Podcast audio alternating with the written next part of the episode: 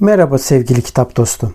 Yayına geçmeden önce bu yayının yapılmasını sağlayan Ankor'a teşekkür etmek istiyorum.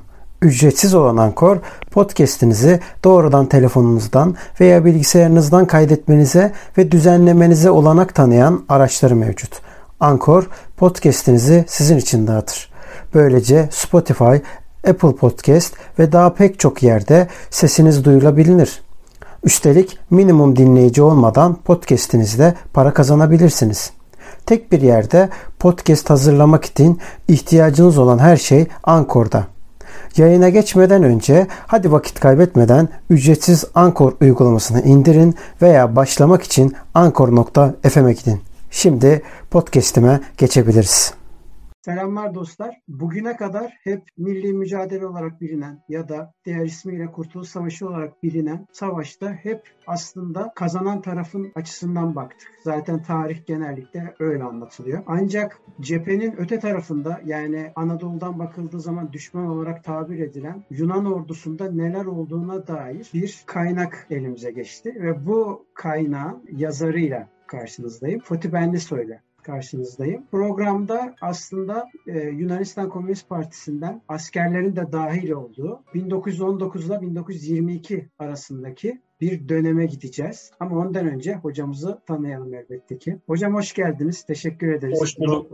Programda bizi kabul ettiğiniz için. Merhaba ben teşekkür ederim. Kendinizi tanıtır mısınız? Sizi tanımayanlar için. Tabii. Yani e, İstanbul Üniversitesi Hukuk Fakültesi'nde okudum lisansım. Daha sonra yüksek lisans ve doktora çalışmalarımı tarih alanında yürüttüm Boğaziçi Üniversitesi'nde. Esas itibariyle bugün çalış, üzerine konuşacağımız çalışmada benim doktora çalışmamın bir devamı niteliğinde, onun e, bir kısmının üzerinde yürüttüğüm yürüttüğüm çalışma olarak tanımlayabiliriz. Yazarlık, yayıncılık, çevirmenlik yapıyorum. Bir dizi hani hem tarih alanında hem başka alanlarda bir dizi konuda çalışmaya, yazmaya, üretmeye çalışıyorum açıkçası. Evet, peki teşekkür ediyoruz. Konuya ufaktan girmeye başlarsak eğer 1919'da 22'de aslında hep az önce belirttiğim gibi girişte. Anadolu açısından biliyoruz ama Yunan ordusunda durum nasıldı? Yani bir savaş uzun süreçli bir savaşlar silsilesinden geçmiş bir aslında sadece Yunanistan değil bir Avrupa var, bir dünya var sonuç itibariyle. Bunun da bir parçası olarak bir Yunanistan var ve bu Yunanistan bir de onun üstüne aslında Anadolu'ya bir tırnak içerisinde görevle tekrar yola çıkıyorlar. Peki asker bu durumda hangi koşullardaydı? Şöyle siz aslında başında çok isabetle belirttiniz yani savaşa, bu savaşa, Kurtuluş Savaşı ya da milli mücadeleye nasıl bakıyoruz sorusu. İlki tabii ki Türkiye'de itibariyle e, Türk ulusal tarihinin, Türk milli tarihinin zaviyesinden, çerçevesinden bakıyoruz çoğu zaman. Ama hani e, bunun ötesinde genel olarak savaş tarihi, savaşların tarihi de genel olarak esas itibariyle savaş kararı alanların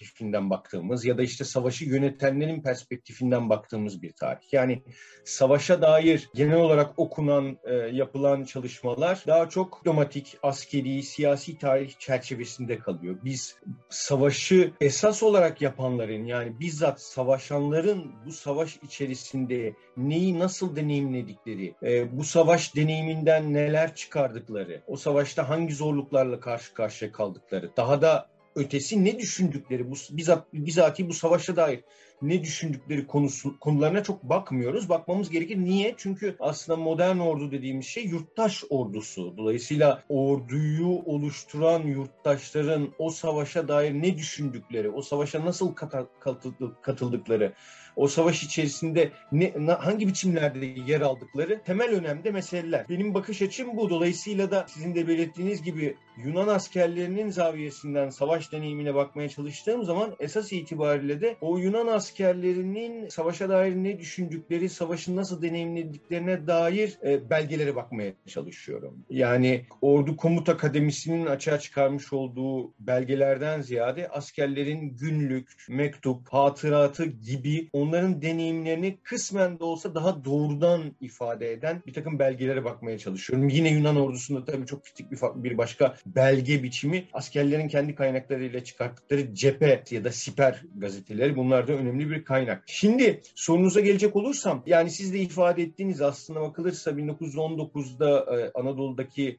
Yunan işgali e, başladığı zaman aslında Yunanistan uzun süreli bir savaşlar silsilesinin son aşamasında. Yani e, Yunanistan'da zorunlu askerlik 1911 yılında kabul ediliyor. Zaten Yunanistan 1912'den itibaren sürekli olarak savaş halinde. Balkan seferlerinden başlayarak Birinci Dünya Savaşı'na uzanan, oradan ben bu kitapçıkta özel önem atfediyorum. Ukrayna'da Kızıl Ordu'ya karşı İtilaf Devletleri önderliğinde özellikle Fransa öncülüğünde yürütülen askeri sefere de katılıyor Yunan ordusu. Oraya iki tümen gönderiyor e, e, Deniki'nin safında. E daha sonra da işte Anadolu seferi var. Anadolu'nun işgali var. İzmir'in işgaliyle başlayan süreç var. Dolayısıyla neredeyse bir 10 yıllık, 10 yılı aşkın bir savaş süreci içerisinde ve kritik faktör şu yani bu 10 yılı da asker olarak geçiren insanlar var. Çok uzun zaman içerisinde asker olarak kalan insanlar var. Dolayısıyla bir o dönemin tabiriyle harp yorgunluğunun, bir savaş yorgunluğunun açığa çıkması e, hani doğal demeyeyim ama makul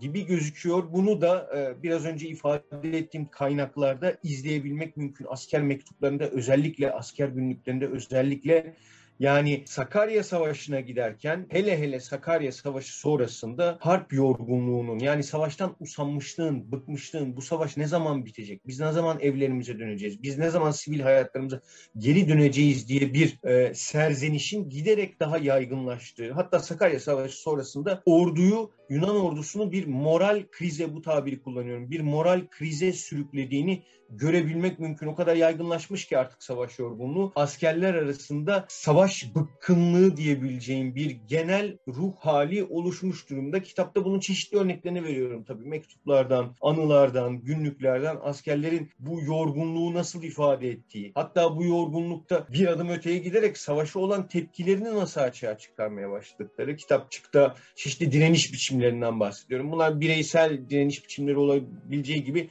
aynı zamanda kolektif direniş biçimleri de olabiliyor. Yani askerden firar etmek, e, bir askeri çatışma sırasında kendisini vurarak e, cephe gerisine gönderilmeyi sağlamak e, ya da kolektif protestolar, çeşitli siyasilerin ya da Yunan kraliyet hanedanı üyelerinin cepheye yaptığı ziyaretlerde doğrudan doğruya bu, bu, bu isimlere karşı terhis ya da savaşın sonunu taleplerini dile getirmek gibi çok çok sayıda biçimler alabiliyor. Savaş karşıtı şarkılar, fırka, fıkralar biçimlerini alabiliyor ama hepsinde biz esas itibariyle bu savaş yorgunluğunun izlerini görebiliyoruz. Bir parantez açayım çok özür dilerim. Onunla e, durayım, bir es vereyim. E, bu savaş yorgunluğu tabii dönemin de genel bir karakteri diyebiliriz. Yani özellikle e, Birinci Dünya Savaşı'nın son aşamasında 1917 sonrasında kimi tarihçiler 1917 sonrasında 23 biliyorsunuz 1918'de savaş bitiyor Birinci Dünya Savaşı. Kimi tarihçiler der ki hayır savaş aslında 1918'de bitmiyor. Yani resmi olarak büyük savaş, Birinci Dünya Savaşı bitmiş olabilir ama o savaşın doğurduğu çeşitli nitelikteki çatışmalar yani devrimci savaşlar ya da ulusal kurtuluş niteliğinde Avrupa'da gerçekleşen savaşlar ta 1923 yılına kadar devam edecek. Dolayısıyla biz 1917 yılında itibaren 1923'e kadar sürecek bir ikinci büyük savaş ya da bir ikinci birinci dünya savaşı ile karşı karşıyayız. Ve bu ikinci birinci dünya savaşı içerisinde çok sayıda ben kitabın ilk baskısı 2014 yılında yapılmıştı. 2019'da ikinci genişletilmiş baskı yapıldı. İkinci genişletilmiş baskıda bu döneme has yani İtalya'da, Bulgaristan ordusu içerisinde, Fransa'da vesaire ya da İngiliz ordusu içerisinde gerçekleşen benzer yani harp yorgunluğunun beraberinde getirdiği direnişler hatta terhis isyanları konusunda çeşitli benzer örnekleri sunmaya çalıştım. Neden? Yunan ordusunda yaşanan sürecin aslında tekil olmadığı, bu dönemde o savaşların uzamasının beraberinde getirdiği, Dünya Savaşı'nın ve onun yarattığı askeri çatışmaların bir türlü bitmek bilmemesinin beraberinde getirdiği o, o kolektif hissiyatı ifade etmeye çalıştım. Yunan saflarında cereyan eden bu. Demin Ukrayna'dan bahsettiğim örnek. Ukrayna'daki, Kırım'daki İtilaf Devletleri Seferi'nin Kızıl Ordu karşısında başarısız kalmasının önemli bir nedeni de Fransız ordusundaki isyandır aslında. Yani Bolşevikler çok iyi kullanmıştır şeyi. Bu savaş yorgunluğunu e, kullanmış ve savaş karşıtı propagandayla Fransız askerlerin isyanına neden olmuştur. Neyse. Dolayısıyla böyle bir dünya durumuyla karşı karşıyayız adeta. Bu dünya durumu içerisinde Yunan ordusunda özgün koşulları yani bu uzun süreli savaş içerisinde olmak, savaşın bir türlü bitmek bilmiyor oluşu gibi faktörler neticesinde Yunan ordusunda bir akut moral kriz baş göstermiş durumda. Üstelik şunu unutmayalım. Yani Yunan işgali ilk başladığında aslında oldukça popüler bir savaş. Yani Anadolu'daki askeri sefer hem Yunan toplumu içerisinde hem Yunan ordusu içerisinde oldukça popüler. Neden? Çünkü işte bu e, Türk tarih yazımına da geçmiştir. Megalo idea diye geçmiştir. Megali ideadır. Yani esas itibariyle yabancı egemenliği tırnak içerisinde e, bulunan soydaşların kurtarılması diyebileceğimiz bir şey. Bir politik projeksiyon bu. Ve bu gerçekleşmiş gözüküyor Anadolu'ya çıkılmasıyla birlikte. İşte oradaki Rumlar, oradaki soydaşlarımız, oradaki Yunan kardeşlerimiz, Osmanlı zulmü altında kalmış olan soydaşlarımız nihayet kurtulacak. Bu çok popüler bu tema ama e, savaş uzadıkça tabii işgal alanı ziyadesiyle gelişiyor ve Yunan ordusu ilk başlarda daha çok Rum ahaliyle karşılaşırken bu sefer Müslüman ahaliyle karşı karşıya kalmaya başlıyor. Bu da tabii e, anılarda, e, günlüklerde ben çok sayıda örneğini aktarıyorum. Mektuplarda bir şey reaksiyonuna dönüşüyor. Yani biz burada ne yapıyoruz? Bizim bununla ne ilişkimiz var? Bu, bizim buradaki insanlarla ne ilişkimiz var? Onları nasıl kurtarmaya geldik? Hatta bu kurtarma tabiriyle dalga geçen günlüklerde çeşitli askerlerle karşı karşıya kalıyoruz. İşte şu Müslüman köyünü yaktık, onu kurtardık falan diye. Dalga da geçiyorlar böyle ironi de yapabiliyorlar. Dolayısıyla bu faktörler savaşın ideolojik meşrulaştırılmasının altının da yavaş yavaş e, boşaldığını ortaya koyan şeyler. Bu moral kriz neden önemli? E, çünkü biz biraz önce Sakarya Savaşı'nı belirleyici bir nokta olarak bir adeta önemli bir kilometre taşıdır savaşın gidişat içerisinde. Sakarya Savaşı'nın hemen sonrasında bir de askeri cepheler böyle kalıcılaşır e, bir dönem boyunca. O sırada Yunan ordusunun artık bizatihi şeyler de ifade eder. Yunan Komuta Akademisi'nden kitapta bir, bir dizi örnekten bahsettiğim bir dizi subay da yani e, eğer kısa zaman içerisinde savaş son bulmazsa herhangi bir Türk saldırısı karşısında, Türk ordusunun herhangi bir inisiyatif karşısında Yunan ordusunun direnemeyeceği, çözüleceği çünkü öyle bir moral ağır, e, kriz söz konusu ki savaşa devam edemeyeceği yönünde uyarılar da söz konusu ediliyor. Nitekim savaşın sonu benim e, askeri askeri grev diye nitelediğim garip gelebilir sonuçta bir üretim sürecinden bahsetmiyoruz ama tabii ordu da bir şey. Ordu da aslında modern kapitalist uygarlığın o rasyonel kriterleriyle örgütlenmiş, bürokratik kriterleriyle örgütlenmiş bir kurum olduğunu olduğunu unutmayalım ve askerlerin savaşı bilinçli olarak reddetmeleri bu e, asker grevi tabiri 1917 yılında Fransız ordusu içerisinde gerçekleşen ve o Fransız ordusunu da yani çöküşün eşiğine getiren bir grevler silsilesi vardır. Yani askerlerin savaşa gitmemesi, emirlere itaat etmeyerek konumlarını terk etmekten imtina etmesi diyebileceğimiz süreç olarak tarif edebiliriz bu süreci. Aynı şekilde e, Yunan ordusunda da söz konusu oluyor. Yani 1922 Ağustos'unda e, e, güney tarafından, Kortus tarafından cephe delinince Yunan ordusu ordusunun hızla çözüldüğünü, askerlerin savaşmadığını, birkaç günlük aslında çatışmadan sonra Yunan askerlerinin geriye çekilmeye başladığını ve bir neredeyse isyan niteliğini aldığını bunu e, görüyoruz bu geri çekilişin. E, komuta kademisi askerler üzerindeki kontrol ve etkisini yitiriyor. Dolayısıyla e, bu çok kritik bir faktördür. Yunan ordusunun komuta akademisi geri çekilme sırasında geri çekilişi düzenli olarak gerçekleştirebilse belki Batı Ege'nin başka bir noktasında bir başka mevzi oluşturup direnebilir. Bunun gerçekleşememesinin en önemli nedeni aslında geri çekilişin düzensiz benim tabirimle bir askeri grev niteliğini almış olması, düzensiz gerçekleşmesi bir askeri grev niteliğini almış olması. Yani askerlerin savaşı bırakmak istemesi, bir daha savaşmak istememesi, bir an önce evlerine gitmek istiyor oluşu. Kitapta bunun özellikle mesela çeşitli gemilere binen askerlerin onları işte hızla çünkü e, Yunan ordusunun temel derdi, Yunan siyasi otoritesinin temel derdi de bu askerleri Anadolu'ya mümkün mertebe yakın bir noktada tutmak, çeşitli adaları toplamak ki bir karşı seferi belki örgütlemek. Ama askerler hızla uzaklaşmak istiyorlar Anadolu'dan. İzmir'den çeşitli örnekler var. Takviye birlikler geliyor, getiriliyor Trakya'dan ama bunlar karaya çıkmak istemiyorlar. Bütün bu işte moral kriz o kritik momentte bir asker grevine dönüşüyor. Bu da Yunan ordusunun savaşı her ne kadar komuta akademisi savaşı sürdürmek istiyor olsa da savaş artık sürdürülebilir olmaktan çıkmış. Çünkü temel biraz önce yurttaş ordularından bahsettim. Bir yurttaş ordusu için temel parametre o orduyu oluşturan yurttaşların savaşa rıza veriyor olması. O rıza geri çekildiği andan itibaren komuta akademisi istediği emri versin. E, o rıza geri çekilmişse o emri uygulayacak insanlar artık ortada yok. E, söz konusu olan bir bu büyük ölçüde e, Yunan ordusunun çözülüşü açısından 1922 Ağustos'unda. Tek faktör tabii ki bu moral kriz, askeri grev, savaşın sonucunu belirleyen tek faktör değil ama kitapta belirtmeye çalıştığım gibi önemli ve çoğu zaman göz ardı edilen bir faktör. Eğer bu faktör söz konusu olmasaydı savaşın belki sonucu nihai olarak değişmezdi ama savaş bir miktar daha uzun sürebilirdi açıkçası. Bunun da çeşitli farklı sonuçları, siyasi diplomatik açıdan farklı sonuçları olabilirdi ama savaşın bu biçimde sona ermesi, Yunan ordusunun hızla çözülmesinin temel nedeni 1921 yazından itibaren akut haline gelen 1922 yazına geldiğimizde de artık Yunan ordusunun çözülüşe sürükleyen bu moral kriz olduğunu açıkçası düşünüyorum. Peki bu durum karşısında e, Yunanistan'daki iktidar yani bir yönüyle kral bir yönüyle kral karşıtları yani savaşmayan kesim diyelim emri veren kesim bunlara tedbir olarak herhangi bir önlem almaya çalışıyor muydu? Ee, yani öncelikle tabii şeyi ifade ettiniz ben e, de onu parantez içerisinde belirteyim belirteyim. Tabii Yunan siyasal liderliğinin bu dönemde bölünmüş olması çok temel bir faktör. İki fraksiyon söz konusu. Yunan aslında burjuvazisinin, Yunan kapitalist sınıfının iki temel fraksiyonunun siyasal ifadesi bunlar. Kralcı güçler ve Venizelist liberal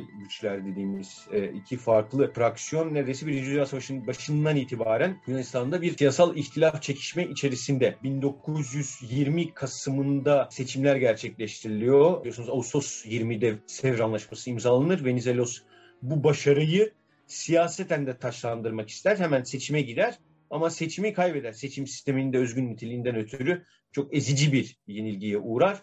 Ee, ve kralcılar iktidara gelir. Hemen onu belirteyim. Kralcıların iktidara gelişinin önemli bir nedeni aslında savaşa karşı olan tepkilerdir. Çünkü kralcıların barış getireceği söylenmektedir.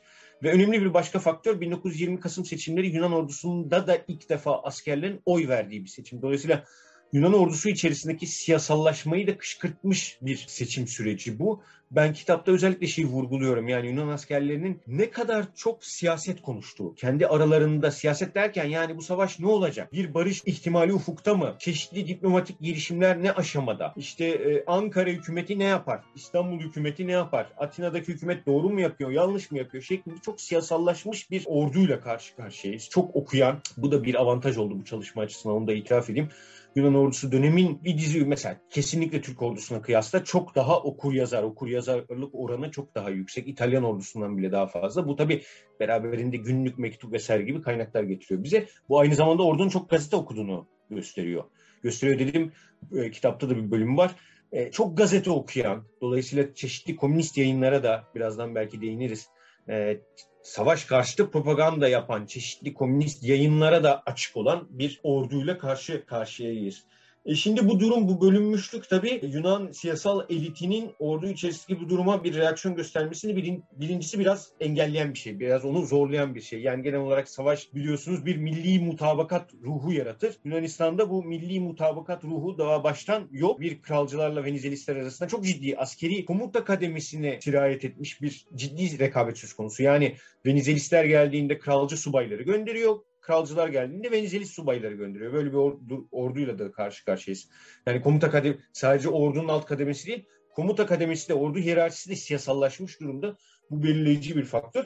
Tabii ki çok sık şey yani bu disiplin meselesi çok sık bir, yapılan bir tartışma konusu. Disiplin zaman zaman sıkılaştırılıyor, zaman zaman gevşetiliyor. Mesela bazen ölüm cezasının yaygınlaştırılması gibi bir tartışma yürütülüyor. Buna karşı itirazlar yürütülüyor. Deniyor ki zaten yani e, ölüm cezasını yaygınlaştırırsak bu, bu sefer de savaşacak kimse bulamayız diye tartışılıyor.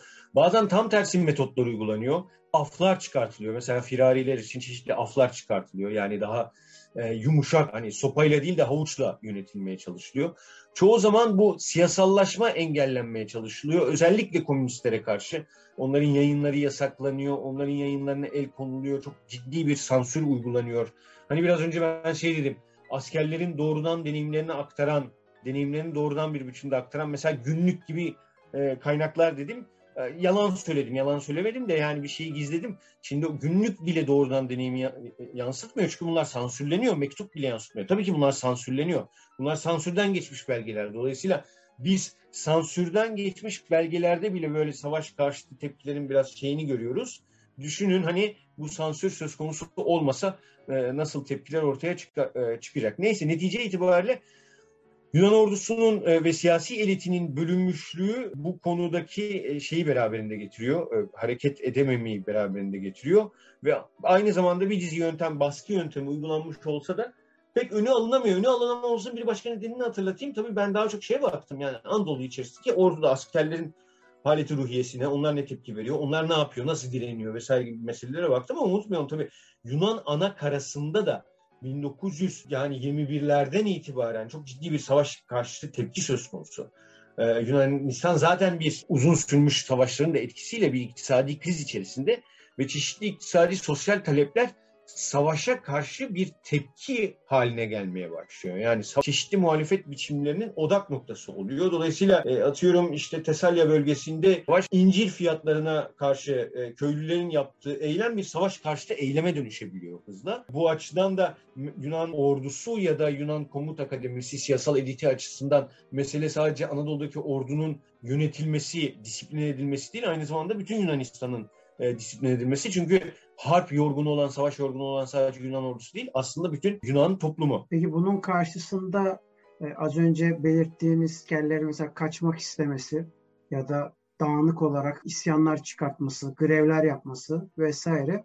Bunu yaparken mesela e, yazıda da sizin de belirttiğiniz zaten kitapçıkta da belirtilen İzmir'e doğru özellikle gelmeye çalışıyorlar ve takviye ekiplerde ciddi isyanlar çıkıyor. İnönü'nün hatıratında bunu yazdığını belirtmişsiniz. Bu bağlamda Türkiye'deki ordu bunu bir fırsata çevirme halinde kullanıyor mu? Yoksa bunlardan habersiz zaten hani hali hazırda bir savaş hali. Hani bunu umursamadan hani ne derler ona biraz karikatürize ederek Allah ne verdiyse şeklinde mi gidiyor yani? Yok bunu umursuyor ve bunun farkında. Aslında yani yine modern savaşın bir başka özelliği e, özellikle askeri istihbarat e, Yunanistan tarafında da Türkiye tarafından da her zaman şey çok dikkat ediyor. Yani karşı o karşımızdaki ordunun moral gücü Osmanlıca tabiriyle kuvve-i maneviyesi yani manevi kuvvetleri ne durumda meselesine çok dikkatle bakıyorlar. Dolayısıyla iki ordu açısından da karşı tarafın yaşadığı moral sıkıntılar, bunun yol açtığı sonuçlar mesela asker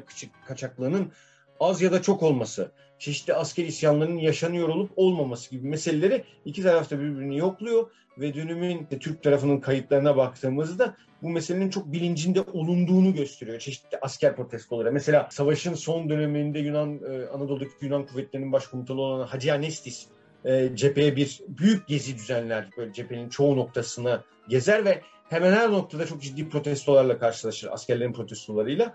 E, şeyi görüyoruz tabii yani Türk tarafı bu protestolardan haberdar. Bunu e, görüyorlar. Dahası var tabii. Dahası da şu. E, Türk tarafı bir fiil aslında bu savaş yorgunluğuna, Yunan ordusu içerisindeki savaş yorgunluğuna ne diyeyim su taşıyor aslına bakacak olursa. Kitapta da biraz bahsediyorum. Yani çeşitli yöntemlerle Yunan ordusunun siperlerine atılan e, çeşitli beyanname ya da gazetelerden burada çok önemli faktör şu e, gazeteler e, gazeteler derken Yunan ordusunun siperlerine mesela Yunan Komünist Partisi'nin o, o dönem ismi Yunan Komünist Partisi değil Yunan Sosyalist İşçi Partisi SEKE SEKE'nin resmi yayın organı, yayın organı olan Rizospasis gazetesini mesela açıyorlar. Kitapta da bahsediyorum yani e, bu Rizospasis gazetesinin savaş karşıtı propaganda için önemi büyük. E, Yunan ordusu içerisinde çok okunan, çok bilinen bir gazete. Şeyden de bahsediyorum yani bu gazeteden toplu okuma aslında yapılıyor. Yani bir gazetenin nüshası ele geçtiğinde okuma yazma bilen askerler bunu diğerlerine okuyorlar. Dolayısıyla gazetenin etki alanı çok e, geniş ve bundan aslında Türk tarafı da haberdar. Yani Halide Edip adı var da işte ya Rizospasis gazetesi diyor ki çok önemli biz bütün Yunanları hani bu savaş meselesinde bizim karşımızda sanırdık ama işte bu Rizospasis gazetesi de var. Bunlar da işte daha böyle farklı bir görüş ortaya koyuyorlar. Ötesi dediğim gibi yani ya siperleri bırakıyor Türk askerleri ya da uçaktan atıyorlar. Uçaktan beyannameler atıyorlar, gazeteler atıyorlar. Bu beraberinde şey getirecek yani Yunan hükümeti tabii diyor ki yani bu Rizospasis gazetesi, Seke'nin gazetesi işte şey tarafından kullanıyor. Kemal'in Ankara'daki hükümeti tarafından kullanılıyor. Dolayısıyla bunlar düşman aslında diyerek tabii Seke'nin bütün liderliği Ağustos 1922'ye gelindi ne hapiste. Çünkü hani bu e, bir tür vatana ihanet suçlamasıyla karşı karşıyayla bu durumdan dolayı. Dolayısıyla hani sorunuza dönecek olursam tabii ki haberdar bundan şey Türk tarafı ve haberdar olduğu için de zaten yani e, sanırım şeyin bilincinde bu e, askeri harekatın bir tür bir yıldırım harekatına dönüşmesi büyük taarruzun e, önemli nedenlerinden bir tanesi. Sizin de anladığınız gibi yani İsmet Paşa'nın e, İzmir'deki durumu aktarıyor yani takviye kuvvetlerinin çıkamaması bir geri hattın oluşturulmasının önemli bir nedeni olarak bu çözülme, bu dağılma halinden ordu içerisindeki bahsediyor. Oldukça tabii haberdar. Yani e, kitapta çeşitli örnekleri var e, şey açısından. İşte esir mesela Trakya'da Yunan askeri ele geçiriliyor ve onu sorguluyorlar. Amaç şey e, Türk askeri istihbaratı açısından yani karşı tarafın moral durumu nedir? Soruyorlar işte siz niye kaçtınız? E, kele esir edilmiyor. Kaçıyorlar. Türk tarafına kaçıyorlar, esir alınıyorlar ve sorgulanıyorlar. Niye kaçtınız? Askerde size nasıl davranıyorlar? İşte yiyecek iyi mi mesela? Tayin iyi mi? Şey, e, kalma koşullarınız iyi mi? Kılık kıyafet iyi mi? Vesaire gibi sorular soruyorlar. Doğru sorular bunlar. Niye doğru sorular? Çünkü Yunan ordusu içerisindeki önemli tepki kaynaklarından bir tanesi de bu. Yani işte yemek kötü, üşüyoruz, donuyoruz, kalacak yer yok, yakacak yok vesaire gibi itirazlar. Çünkü aslında yine yurttaş ordu kavramına geri döneceğim. Yurttaş ordu kavramı aslında devletle yurttaş arasında yapılan bir sözleşme. Ben işte devletin e, yurttaş asker olarak askeri siyasi hedefleri için kendi canımı kanımı ortaya koyuyorum ama e, devlet de benim ve benim yakınlarımın ne diyeyim işte bakımından bir nevi sorumlu oluyor. Şimdi dolayısıyla askerler sürekli olarak çürümüş balık konservesi ve makarna yediği takdirde aylar boyunca tabii bu da bir tepki kaynağı oluyor. Bu sözleşme ihlal edilmiş oluyor çünkü. Ya da askerlere şey mektupları gelince işte Kavala'dan, ne bileyim Tesalya'dan, Mora'dan akrabaları, Girit'ten akrabaları ya biz burada açız, işte çok kötü ekonomik durum falan gibi haberler de geldiğinde bu büyük bir tepki kaynağı oluyor. Neyse bu yemek meselesi tabii kitapta da bahsediyorum. Önemli böyle protesto biçimlerinden bir tanesi yani bu e, işte ne bileyim ordu e, komuta kademesinden bir subay e, büyük rütbeli subay gelir ya da hanedan ailesinden birisi geldiğinde işte dekore ediliyor alan bayraklarla bayrakları söküp e, ağaçların dallarına bu işte konserve kutularını asmak, konserve kutularını atmak falan gibi şeyler oldukça şey etkili protesto kaynaklarından bir tanesi. Sorunuza döneyim. Evet yani şey tarafı tabii ki Türk tarafı şeyinden haberdar. Haberdar ve muhtemelen askeri operasyonları yürütürken de bu bilgi temelli hareket ediyorlar. Bu anlattığınız örneklerde ya kitapta da geçen sizin de az önce belirttiğiniz örneklerde mesela ya resmen resmen aslında kullandığınız o grev tabirinin kelimenin tam anlamıyla benim gözümde öyle canlandı. Ben şimdi fabrika bölgesindeyim. Şimdi insanlar tabii grev denilince sadece maddi gerekçelerle grevin yapıldığını zannederler. Halbuki tabii şu son zamanlarda yozlaştığı için öyle oldu tabii de. Ama yemek için de yapılır, ısınmak için de yapılır, barınma için de yapılır vesaire. Dolayısıyla da kelimenin tam anlamıyla oturuyor yani. O grev kelimesi tam anlamıyla oturuyor. E tabii çünkü kendi varoluş koşullarını aslında şey üzerinde belirleyici olmaya çalışan bir eylem evet, için dediğiniz evet. gibi. Aynen öyle, aynen öyle. Ben şimdi son ama geniş bir soru soracağım. Bu e, biraz çatallı bir soru izninizle. Şimdi Komünist Partisi var. Yunanistan Komünist Partisi. Yunanistan Komünist Partisi'nin tabii içeride bu durumu ister istemez bir e, harekete doğru dönüştürme girişimleri var. Bununla ilgili neler yaptığının yanında bunu nasıl değerlendirdiğinin yanında öte yandan da şunu sormak istiyorum. Şimdi sonuç itibariyle Sovyetler Birliği'nin çok ciddi bir etkisi var ve devrimin hemen ertesi olan bir dönemden bahsediyoruz. Çok yakın 2-3 senelik bir dönemden bahsediyoruz. Ortalamayı tabii ki söylüyorum. Bu süreç içerisinde e, Lenin'in e, hedef aldığı, savaş başladığı zaman bizim düşmanımız dışarıda değildir, içeridedir. Tırnak içerisinde hedefini gösterdiği aslında bir dönemde Yunanistan Komünist Partisi'nin içerisindeki e, sizin kaynağınızda da belirttiğiniz, kitabınızda da belirttiğiniz şekilde şey öyle değil. Yani başlangıçta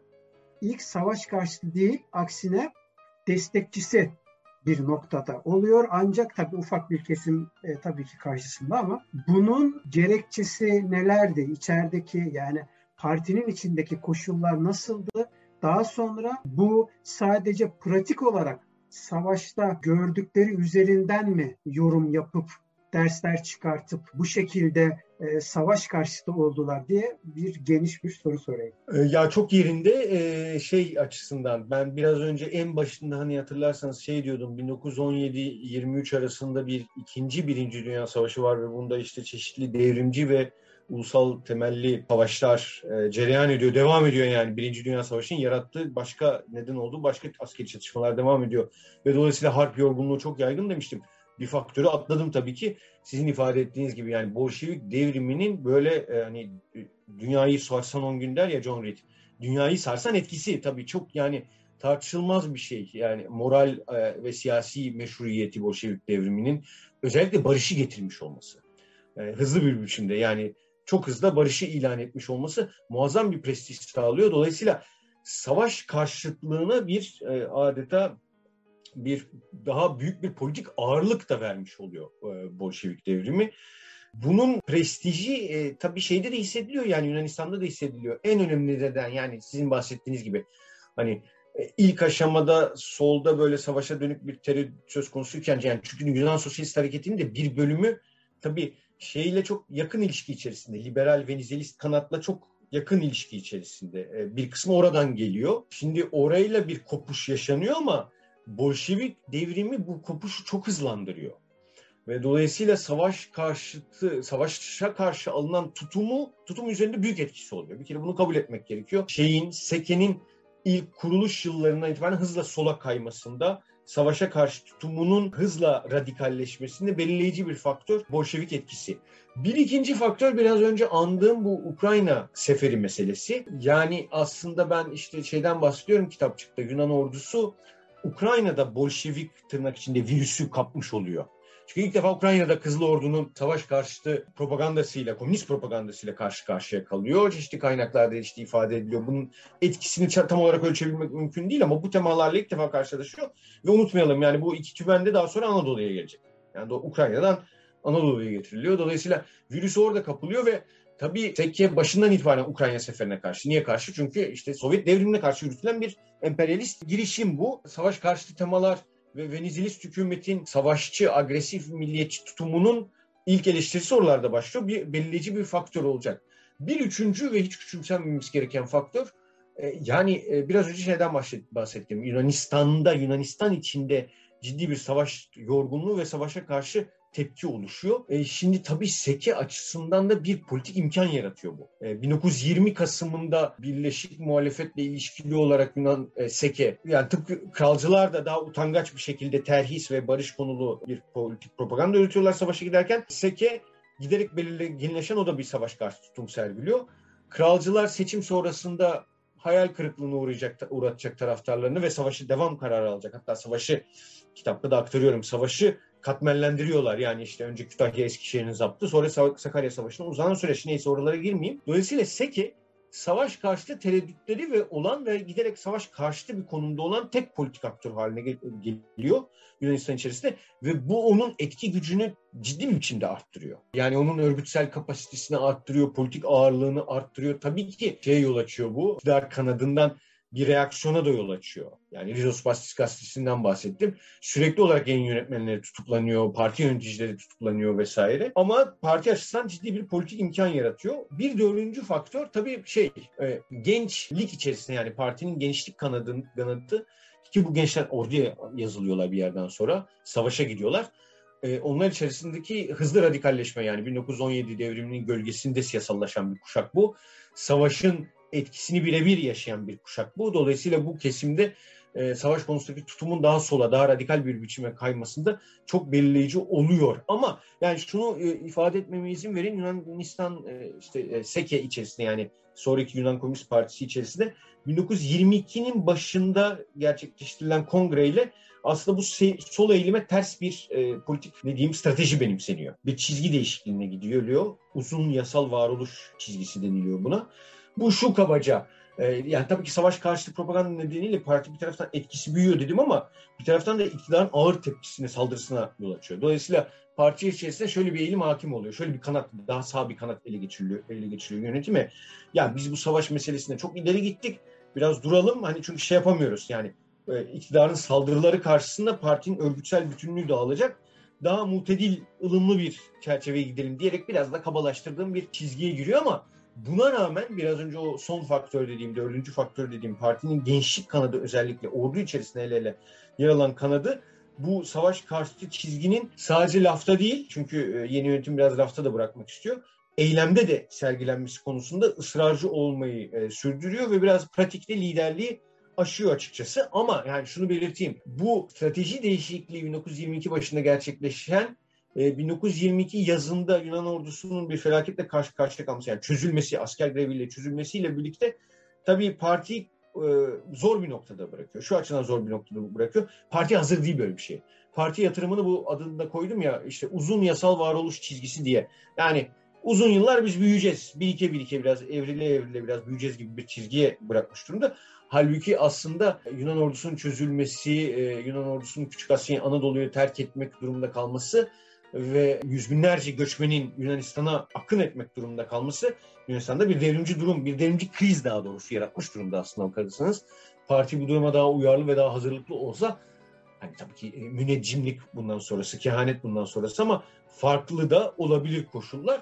Şu kadarını söyleyeyim ama e, sonrasında tabii ki Yunan Komünist Partisi'nin savaş karşısında tutarlı, bütünlüklü bir tutum almış tek güç olması. Felaketle biten bu savaşın karşısında başından beri yer almış olması, savaşın sadece Anadolu'nun bütün halkları için bir felaket getirecek olması, ee, Anadolu'daki Yunanlar, Rumlar için de bir felaket getirecek olması olacağına dair böyle tutarlı, bütünlüklü ne diyeyim şeyleri, e, varsayımlarının gerçeklik kazanması tabii partiye ciddi bir itibar da getirecek. Dolayısıyla savaş yıllarında başlayan o politik etkisinin artmasını bir savaş sonrasında da belli bir dönem sonra tabii ki bir baskı dönemi gelecek çünkü ama belli bir dönem sonrasında da partinin itibarını arttıracak ve ona belli bir güç sağlayacak bir faktör. Unutmayalım yani Yunan Komünist Partisi ile Türkiye Yunanistan Komünist Partisi ile Türkiye Komünist Partisi'nin kuruluş yılları aynıdır aslında. 1920 yılı, 1919-20 bir, biraz daha öncesindeki ama yani aynı yıllarda oluşan partiler bunlar ama bir tanesinin Yunan Komünist Partisi, Yunanistan Komünist Partisi'nin hani geçtiğim 2. Dünya Savaşı'ndaki antifaşist direnişi daha 1920'lerin sonunda bile Türkiye Komünist Partisi'nden çok daha şey bir güçtür. E, nasıl diyeyim? E, ele gelen bir güçtür. Ciddi bir sosyal faktör haline gelmiştir. Türkiye'de gelememiş olmasının Tabi bu savaşın nasıl sonuçlandığı meselesiyle alakalı bir yönü var. Türkiye'de Ankara hükümeti e, bir dönem için 1920'lerde etkili olmaya başlamış Ankara'daki yani Anadolu'daki solu hızla tasfiye etmiştir. Ve savaşın sonuna geldiğinde Anadolu Ankara hükümeti içerisinde hiçbir sol kanat kalmamıştır esas itibariyle. Paşalar tamamen sürece hakim olmuştur. Yunan ordusu yenilmiştir. Duruma hakim olamamıştır ve e, e, ve sosyalist hareketin e, daha doğrusu komünist hareketin tutumu da bu yenilgi içerisinde bir şeydir. E, bir faktör olarak yerini almıştır. Öngörülü bir politik tutum almıştır. Dolayısıyla o daha gelişmeye müsait bir koşullara açılacaktır diyelim savaş sonrasında. Diyalektiğin aslında pratik olarak hali olmuş. Kazanan Tabii. kaybetmiş, kaybeden kazanmış. Biraz ilginç evet, olmuş evet, ama. Çok, çok doğru, çok güzel ifade ettiniz. Peki çok Aynen. teşekkür ediyorum hocam. Çok sağ olun. Çok bilgili, çok doyurucuydu.